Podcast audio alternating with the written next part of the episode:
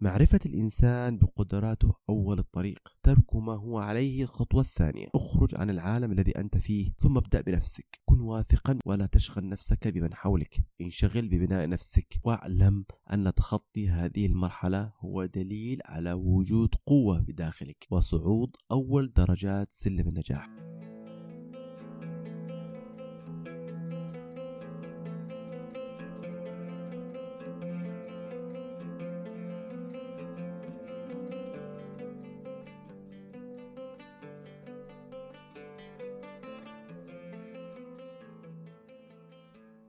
أعزائي أنتم تستمعون إلى بودكاست ماذا بعد؟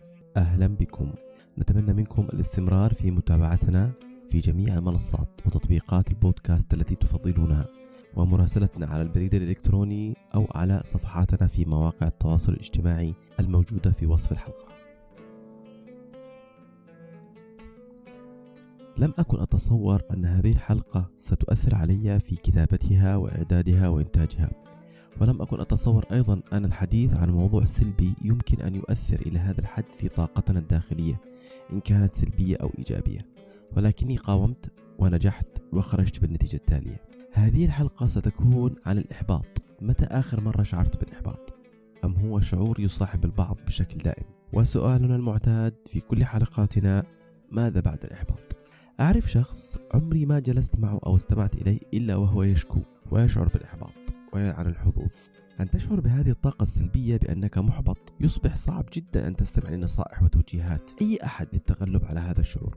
وممكن يكون رد فعلك مساوي لإحباطك. أن تزعج أحد بكلمة أو تجرحه وهو يظن أنه يحاول مساعدتك. بينما هو في الحقيقة يزيدك إحباطا. قد تحتاج إلى من يسمعك فقط وعليه أن يكون حذر لأن الإحباط معدي معدي جدا أكثر من كورونا. ويمكن له بعض أعراضها يصيبك بضيق في التنفس وحالات من التوهان والضياع.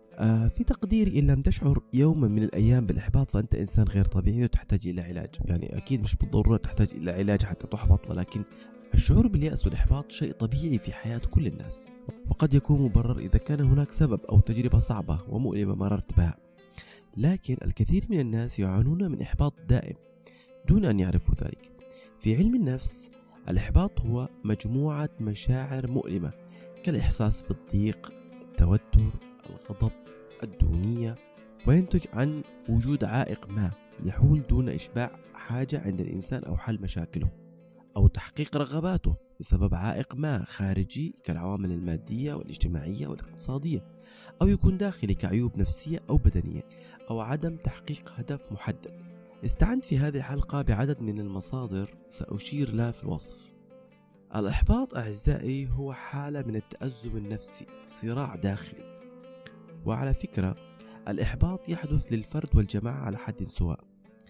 وأحيانا يقول يعني وأحيانا آه، يمكن أن يقال يا رجل الناس كلها محبطة ما في عمل مش قادرين نتزوج وضع ملخبط ويكملها ويكملها ويقفلها في وشك ويقول لك ما فيش أمل وهكذا.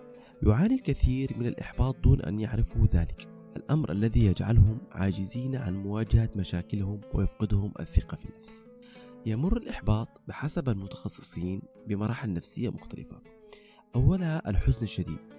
يشعر الشخص في هذه المرحلة بأنه لا شيء في حياته يسير بشكل يرضيه. هذا النوع من الحزن لا ينفع معه عزاء. أو كما قلنا صعب للمحبط أن يستمع إليك. فتجد هذا المحبط منغلق على نفسه دائما وغير قادر على استقبال أي أفكار إيجابية. ثاني هذه المراحل أفكار سوداوية كل صباح. يقوم المحبط من النوم صباح كل يوم وهو يتوقع حدوث أشياء سيئة خلال اليوم.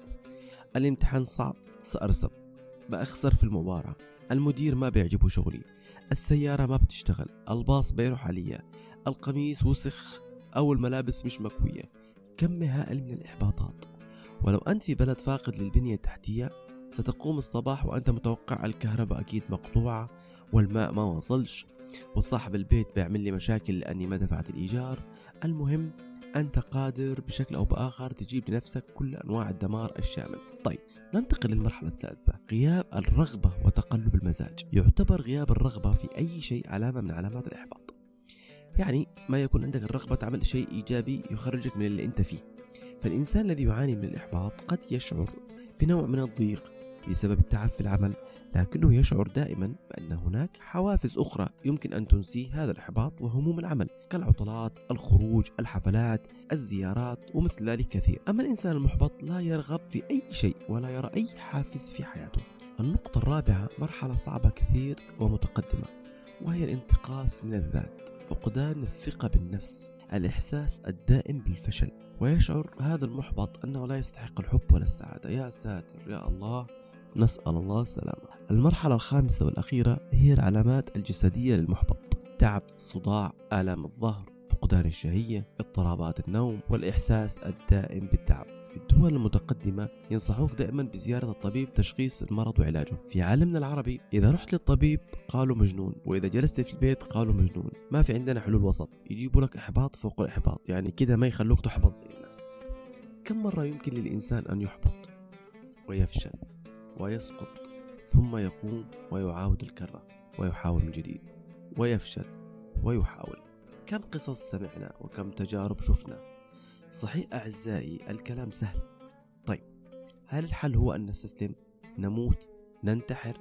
بالتأكيد لا. هناك العشرات بل المئات من القصص التي تروى لأشخاص أحبطوا إلى أشد حالات الإحباط ولكنهم بعد ذلك قاموا وقاوموا من إحباطهم ومن كبوتهم. وأنا هنا لا أقدم حلقة في فلسفة الحلول فأنا أعاني في لحظات الإحباط بذات الشعور الذي يعانيه الجميع ويمكن أكثر وأصعب. لكن المشكلة في الإحباط أنها تؤثر بشكل سلبي في سلوكياتنا. تعيق مواصلة الحياة أحيانا تجعلنا مكبلين بالهموم عاجزين عن الإنجاز.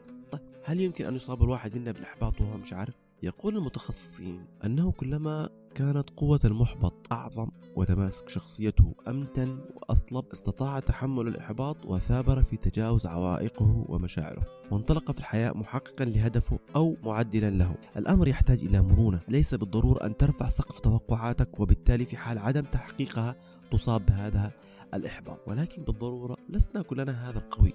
الذي يستطيع تجاوز هذا الإحباط أو نملك هذه القوة. كثير ما يكون الأمر أكبر مننا. يتحول فيه الإحباط وتتعدد أشكاله وتتراكم وتخلق لدينا شعور عدواني أحيانا خصوصا إذا كانت نتيجة خسارة فادحة ماديا أو نفسيا. ومن الممكن أن يقود الإحباط صاحبه إلى الإستسلام واليأس. أعزائي أنتم تستمعون إلى بودكاست ماذا بعد؟ نحن وأنتم في حالة حوار وحديث مشترك. بعد كل حلقة سننتظر منكم ملاحظاتكم وتعليقاتكم وسأكون سعيد وممتن لكم. سؤالنا الآن ماذا بعد الإحباط؟ لابد أن ندرك كيفية التخلص من الإحباط والعمل على حل والعمل على حل كل ما يضايقنا. وإذا استسلمنا فلا عيب. استشارة من يكبرنا سنا أو أكثر منا خبرة. المهم أن نقوي عزيمتنا ونواجه صعوبات الحياة أن نتقرب من الله أن نستمع إلى القصص الملهمة أن تغير موقفك مكانك مدينتك. غير اتجاه الكرسي الذي تجلس عليه. ولا أعتقد أن هناك مشكلة. عيش إحباطك بالطول والعرض؟ خذ وقتك. ابكي. انعزل. تأمل. فكر. اندم. واكتب ما يدور في خاطرك وعقلك. وعد إلى البكاء من جديد. ابحث عن شيء يوحي لك بتفاؤل. استمع إلى أغنية كانت تضيف لك من الأمل الكثير. اتصل بوالدتك.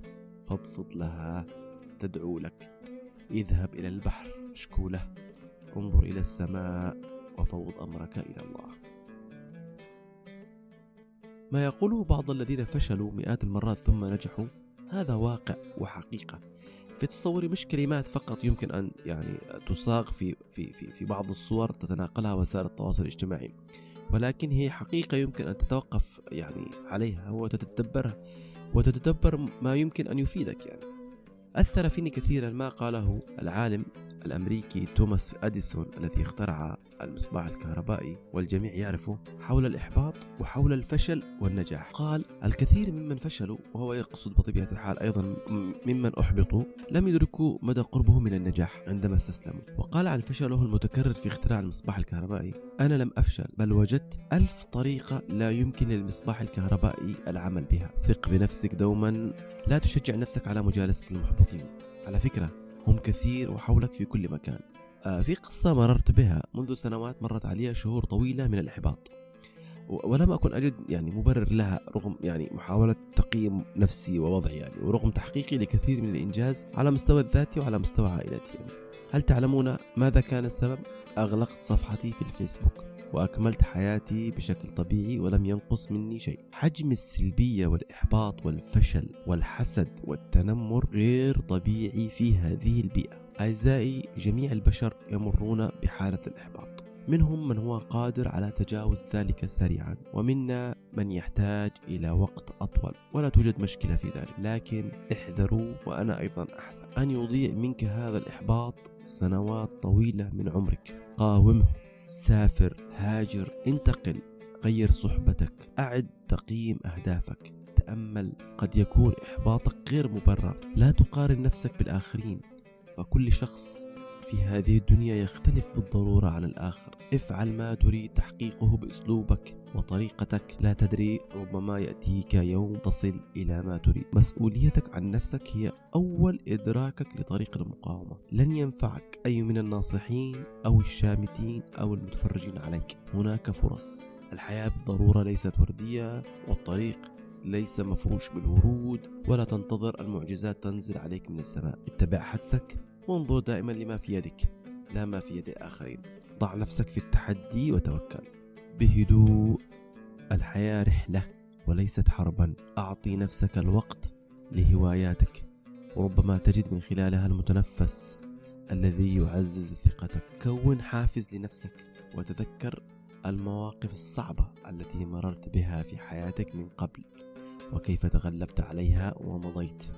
طور أسلوبك واعلم أن كل شيء في الحياة يتطور وينمو بالممارسة والتجربة. المحاولة الأولى هي الأصعب لكن مع تكرار التجربة لابد أنك ستنجح. يومك اليوم مش حلو بكرة يومك الحلو جاي بإذن الله.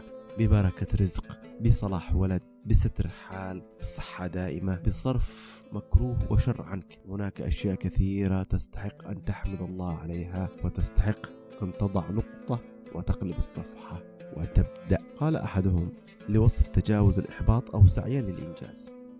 معرفة الإنسان بقدراته أول الطريق ترك ما هو عليه الخطوة الثانية اخرج عن العالم الذي أنت فيه. اعتزله. الاعتزال في الفكر والرأي. لا تجعل نفسك ربيبا للناس بحيث إن قاموا قمت وإن قعدوا قعدت. اخرج عنهم ثم ابدأ بنفسك. ولا تستعجل في الوصول إلى المقصود. كن واثقا بنفسك ولا تشغل نفسك بمن حولك. انشغل ببناء نفسك. ابدأ ببناء نفسك. واعلم أن تخطي هذه المرحلة هو دليل على وجود قوة بداخلك.